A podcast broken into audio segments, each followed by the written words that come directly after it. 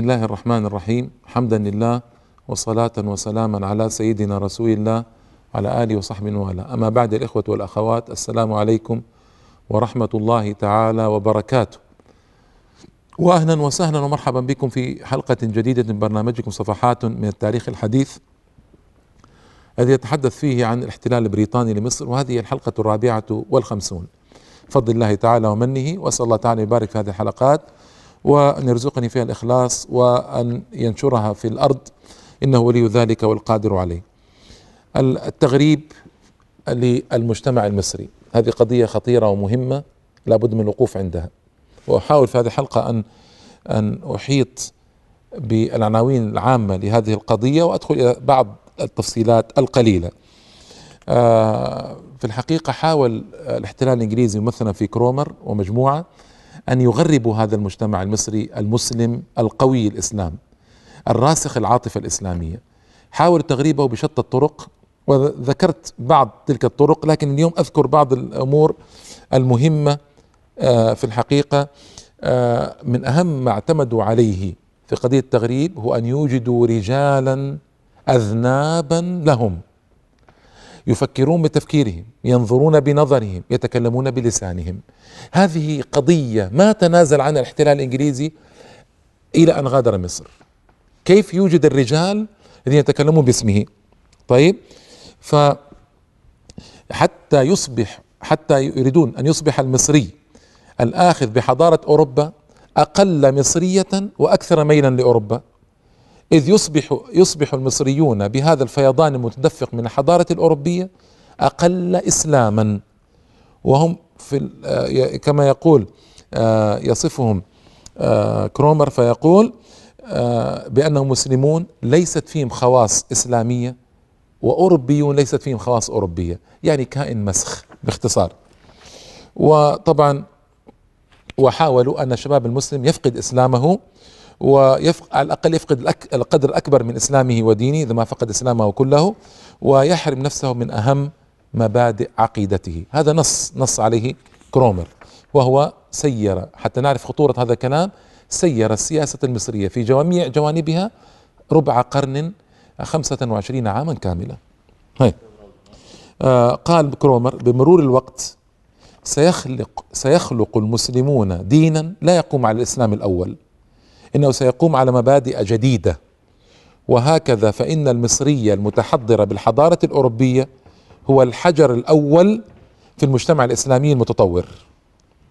طيب قال لا يمكن ازدراء العقيدة الدينية للشعب احتقارها لا يمكن إظهار احتقارها لكن آه لندع هؤلاء الذين يقودون دفة الدولة على حذر يدكون يهدمون. وفي مكر الصرح الروحي للمجتمع الإسلامي. رأيتم؟ هؤلاء الذين يديرون دفة الدولة انجليزا كانوا أو مصريين. ويقول أقبل فريق من آه، من المسلمين المتأثرين بالحضارة الغربية على كل غربي وتركوا ماضيهم وتاريخهم وأصبحوا لا يكترثون لشؤون دينهم الذي ولدوا فيه. طيب وكلام طويل في هذا. وأنشأوا طبعا لأجل ذلك أنشأوا مؤسسات وأنشأوا مجلات وجرائد وكذا. وذكرت في حلقة من الحلقات السابقة الجرائد العميلة في شقها السياسي عميلة للإنجليز لكن انظروا الشق الاجتماعي. يعني آه، آه، كانت جريدة المقتطف وهي جريدة طبعا يقوم عليها النصارى نصارى الشام. هذه الجريدة كانت تشكك في كل شيء حتى تشكك في وجود الخالق جل جلاله على لسان آخرين حتى تبرأ من التبعة. وفي الوقت نفسه وفي بعض الأحيان على لسانها هي بكتاب يكتبون فيها. وظهرت في تلك الأثناء نظرية داروين فاحتضنتها المقتطف احتضانا عجيبا. لأن المقتطف هي مجلة علمية والمقطم مجلة سياسية وكلاهما لنصارى الشام. فاحتضنوا احتضنت المقتطف هذه النظرية وبشرت بها طويلا وكلام كلام طويل. لا أريد أن أخوض فيه الآن لكن لا شك أن هذا يؤثر على طريقة التفكير الموجودة عند المثقفين المصريين الذين يؤمل منهم أن يديروا دفة البلاد بعد ذلك. وكرومر آمن بأن التقدم المادي الذي سينتج بعد الاحتلال سيكون سببا في خلق رأي عام يتفاعل مع الاحتلال ويتعاون معه في شؤون الحكم. وهنا نشاهد الأهم ويمنع الأهالي من معاداة الإنجليز. إذا من الذي سيمنع الأهالي من معاداة الإنجليز؟ ليس الإنجليز ولكن لكنهم المصريون الذين تربوا تربية إنجليزية. وقال كرومر إن الفلاحين المصريين سينظرون بعين التقدير إلى أن ما ينالهم من خير هو نتيجة للسياسة البريطانية. فتتدفق عليهم الخيرات المادية التي تأتي في أثر الحضارة الأوروبية. وتفتح أمامهم الطريق للتقدم الفكري والمعنوي. هذا كلام كلام خطير يحتاج إلى نظر طويل. هذه الخطة اللي طبقت في مصر آنذاك ما زالت تطبق في العالم الإسلامي اليوم. وكانت الصحف الأجنبية الكثيرة العدد في مصر تلح على قضية واحدة وهي وجوب الأخذ بالحضارة الغربية ووجوب اتباع المصريين لنظرائهم الغربيين. وطبعا أيضا كلام طويل أنا ما أريد أن أخوض فيه الآن آه، في تفصيلات هذه القضايا. آه، المصريون انقسموا إلى أقسام منهم من بقي على إسلامه ودينه ويرى فيه المخلص ويرى فيه أنه هو الذي آه، سيخلص البلاد من الاحتلال وسيرفع من شأنها وللأسف كانوا قلة. وبعضهم اتجه اتجاها تاما مع الإنجليز والتغريب وغرب. وبعضهم ظل متشككا لا يدري أين يذهب يذهب تارة هنا وتارة هنالك وهذا كانوا في المجموع قلة والشعب أكثر من الفلاحين والمزارعين آه، والموظفين الغير مثقفين وهكذا كانت الأوضاع في بداياتها في مصر. الإنجليز أنشأوا جمعية في مصر اسمها جمعية إخوان الحرية. ردا على النشاط الذي قام به الإخوان المسلمون في مصر منذ أربع خمسينات الهجرية في القرن الماضي ثلاثينات الميلادية.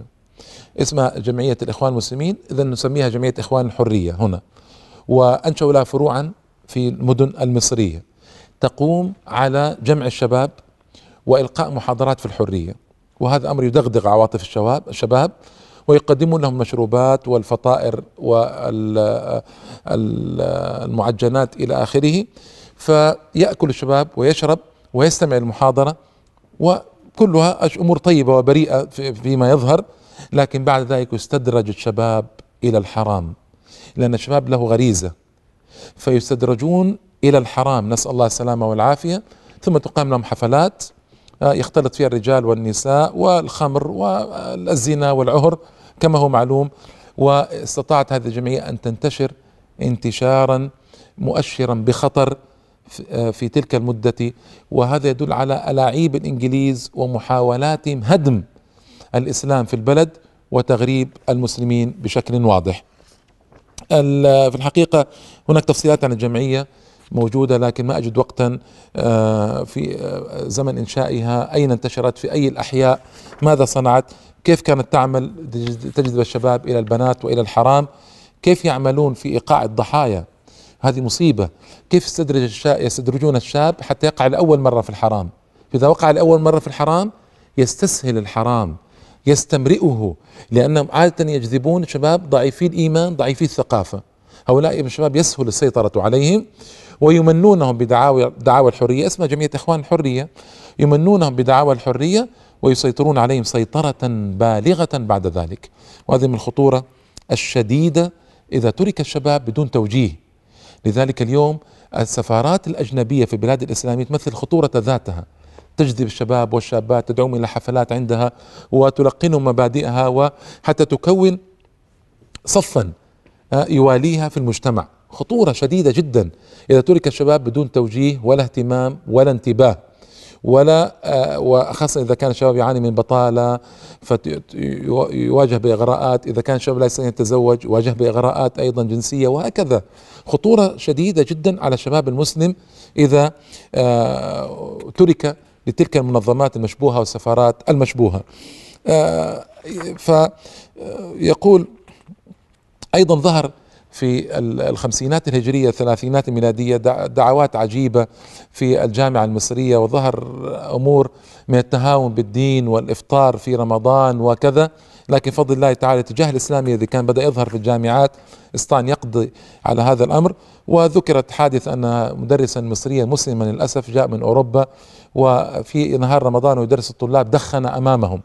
فلما اعترض الطلاب الصالحون عليه قال ما هذا التعصب وما هذا الجهل الذي أكرهه وما هذا وما هذا؟ فقاموا عليه يريدون ضربه فهرب وولى الأدبار ولم يعد للجامعة بعد ذلك. أرأيتم؟ شعيرة أمر معروف والنهي عن المنكر إذا طبقت.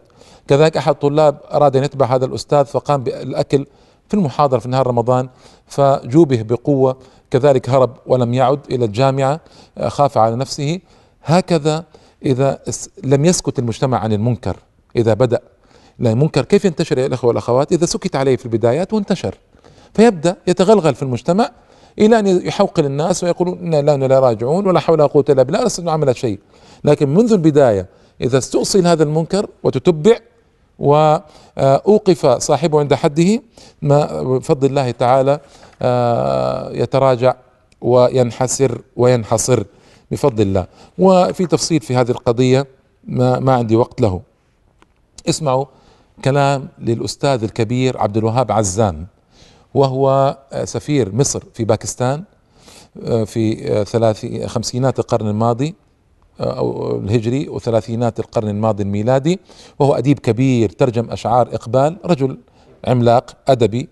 قال اجتمعت هذه الفتن كلها على الشرق فزلزلت إيمانه وحيرت وجدانه وأزاغت بصره وغزت عقله وقلبه بما أخذ عليه من المسالك فأضل الشرقيون أنفسهم فإذا هم أجساد تنبض بقلوب الغرب وتفكر بعقوله وإذا هم مستسلمون لكل ما تطلع به أوروبا. منقادون لكل ما تأمرهم به متهافتون على كل ما اتصل بها.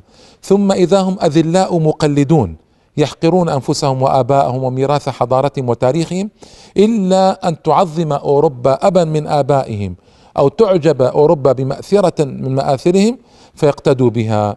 فالذي إلى آخر كلامه وبعد الفاصل آه، نكمل إن شاء الله تعالى تعليقات المفكرين المصريين على الحالة التغريبية التي وجدت في مصر آنذاك آه، فابقوا معنا يا الإخوة والأخوات.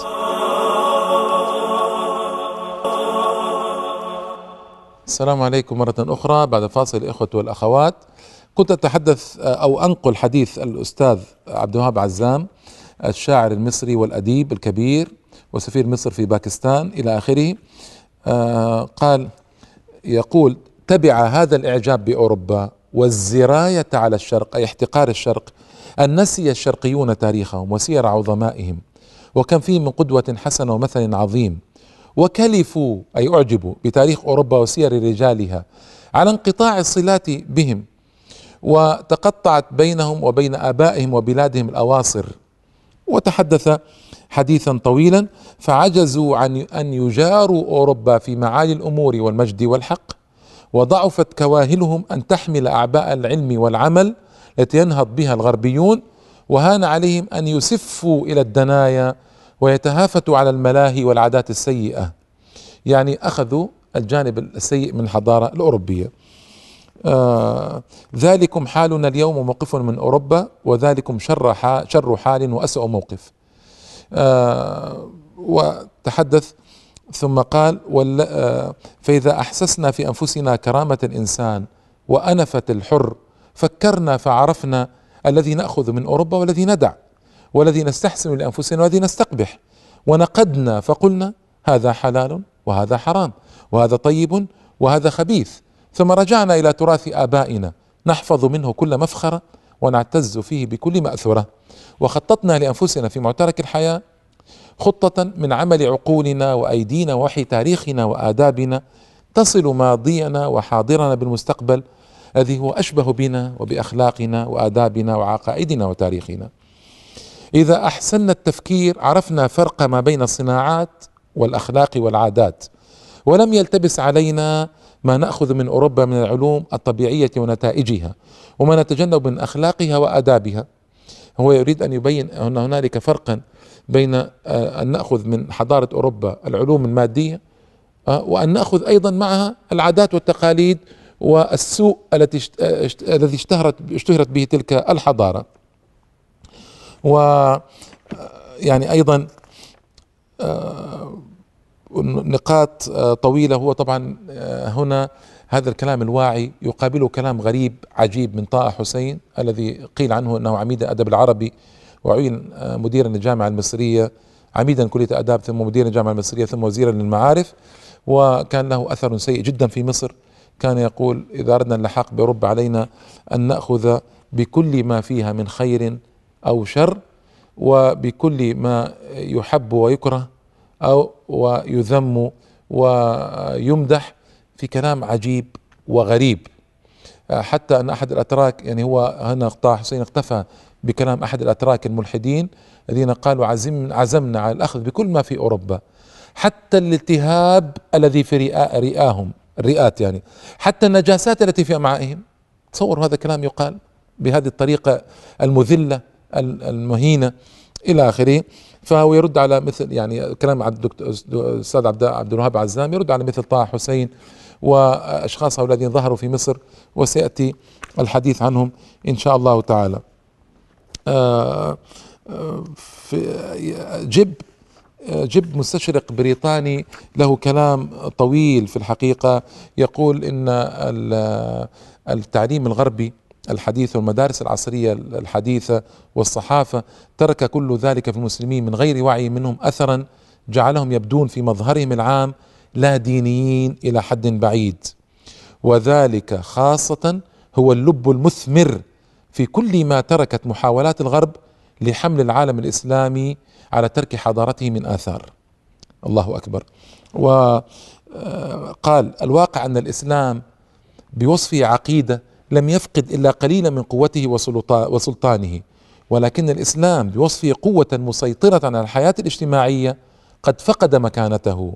لو الحمد لله اليوم الإسلام رجع بعد الصحوة وتولى من جديد مقاييد الأمور في البلاد الإسلامية، لكن هذا يحكي عن زمان ولى وأدبر ولم يعد بفضل الله تعالى. فهنالك مؤثرات أخرى آه، آه، تؤثر بجانبه في المجتمع. و أصبح الرجل من عامة المسلمين بعد كلام طويل يقول أصبح الرجل من عامة المسلمين يرى أن الشريعة الإسلامية لم تعد لم تعد هي الفيصل فيما يعرض له من مشاكل.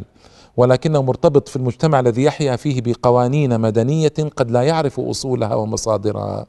ولكنه يعرف على كل حال أنها ليست مأخوذة من القرآن.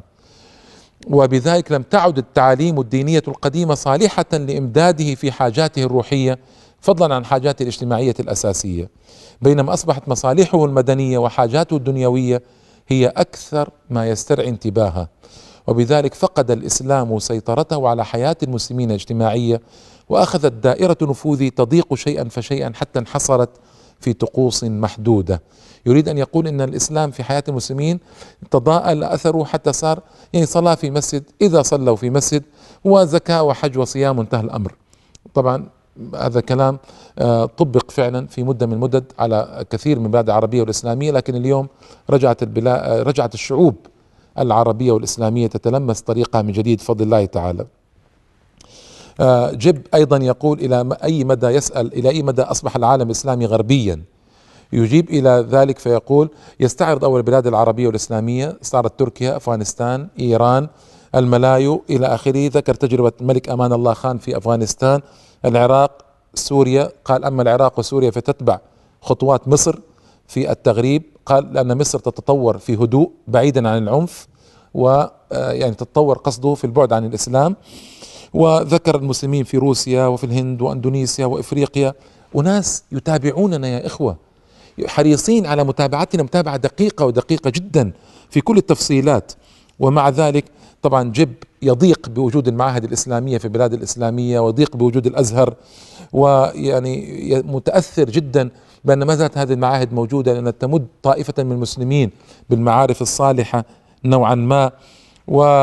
ويخاف جب من الحركات الإسلامية يقول إن الحركات الإسلامية تتطور عادة بسرعة مذهلة تدعو إلى الدهشة فهي تنفجر انفجارا مفاجئا قبل أن يتبين المراقبون من أماراتها ما يدعوهم إلى الاسترابة من أمرها. فالحركات الإسلامية لا ينقصها إلا وجود الزعامة لا ينقصها إلا ظهور صلاح دين جديد. صلاح الدين من جديد ليتولى القيادة لهذه الحركات الإسلامية. أيضا ظهرت في مصر صحف تدعو إلى الماسونية مثل صحيفة اللطائف على رأسها شاهين مكاريوس وهذه ظهرت بوجود الاحتلال الإنجليزي مباشرة ورعايته للنصارى في مصر سواء كان نصارى الغرب الغرب أو نصارى الشام أو بعض أقباط مصر الذين مالأوا الاحتلال. رعاهم الاحتلال الإنجليزي منهم شاهين مكاريوس هذا شاهين مكاريوس للأسف الشديد أنشأ مجلة اسمها اللطائف كانت مجلة ماسونية تماما ودافع فيها شاهين عن الماسونية دفاعا عجيبا. الماسونية نعرف أنها حركة يهودية أرادت أن تحطم الأديان كلها لتعتلي هي ولتسيطر وتهيمن. هذه حركة ماسونية معروفة. هنا طبعا يذكر كلاما عجيبا عن الماسون في مصر وأن آه، زميله يعقوب صروف وهي أيضا شامي مثله نصراني آه، أسس محفلا في بيروت ماسوني. وأيضا فارس نمر دخل الماسونية وانتخب في مصر رئيس شرف المحفل الماسوني جورجي زيدان عضو في المحفل الماسوني جورج زيدان يعني يكتب قصص تاريخية اليوم تؤلف اليوم تمثل في تمثيليات للأسف وهي الأفلام. هذا ماسوني. أيضا ذكر أن خديوي توفيق كان ماسونيا وكان يرعى الماسونية في مصر ويشرف عليها. حاكم مصر خديوي توفيق. وقال أيضا أن هجوم النديم على صحيفة المقطم كان سببا في إقفال الأستاذ لأن النديم ذكر قضية الماسونية هذه وحرض عليها ولما توفي خديوي توفيق ذكروا أنه فقيد الماسونية العظيم فقيد الماسونية العظيم وقد كان لنا فيه عضد متين. طالما شد أزرنا وكان حصنا يلجأ إليه هذا رئيس مصر خديوي توفيق وأصبح رئيسا لمحافلها. اسمعوا. ثم عين أحد نظار حكومته نائبا عنه أي رئيس وزرائه نائبا عنه في حضور الاجتماعات وتثبيت المحافل وإمضاء الأوامر. وأعلنوا الحداد سبعة أشهر على خديوي توفيق حتى نعلم كيف الأمور كانت تسير؟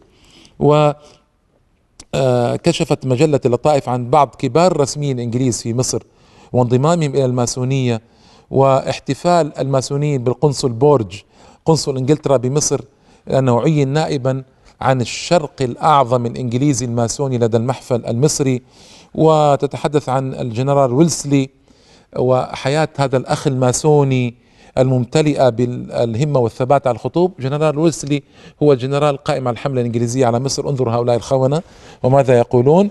وأيضا عباس حلمي الثاني كان ينص اسمعوا هذه خطيرة جدا على أنه يريد كان عندما جاء لتولي الحكم في مصر بعد أبيه خديوي توفيق أن يستميل ضباط الكبار في الجيش المصري لكن يقول وجدت الضباط الكبار في الجيش المصري وجدتهم ماسونيين. هذا كلام عباس حلمي في مذكراته. ليس كلامي ولا كلام أحد يتجنى على الضباط آنذاك. كلام قال آه، إن الضباط العظام كانوا يختارون بصفة خاصة ممن ينتسبون فيما يعرف الناس إلى المحفل الماسوني الإنجليزي. الإنجليزي حتى يضمنون ولاء الضباط حتى يضمنوا ولاء الضباط. ولما وصلت إلى مصر يقول اتجهت إلى الجيش أعتمد على ضباطه. آه، فأفلت الضباط من يدي إذ دخلوا الماسونية التي كان يرأسها السردار. السردار يعني قائد الجيش الإنجليزي كيتشنر أرأيتم يا إخوة؟ أرأيتم كيف يعني ماذا كان يحدث في مصر آنذاك؟ الماسونية من أخطر الحركات الموجودة في العالم العربي والإسلامي. وهل هذه الماسونية انتهت اليوم؟ أبدا.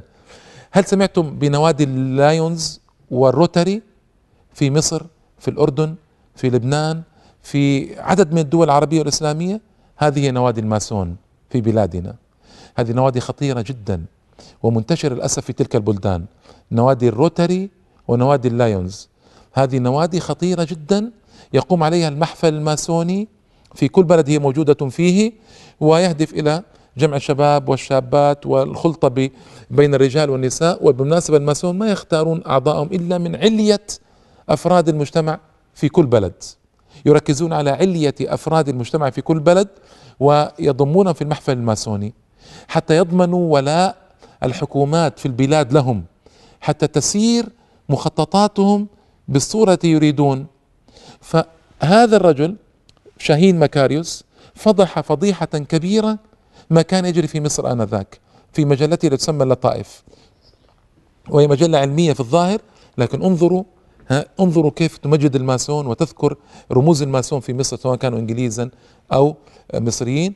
وإلى اليوم الماسون موجودون في بلاد العربية والإسلامية لهم نواديهم ولهم مخططاتهم الخطيرة. هذا جزء من التغريب في مصر أختمه في الحلقة القادمة إن شاء الله تعالى. والسلام عليكم ورحمة الله وبركاته. Oh.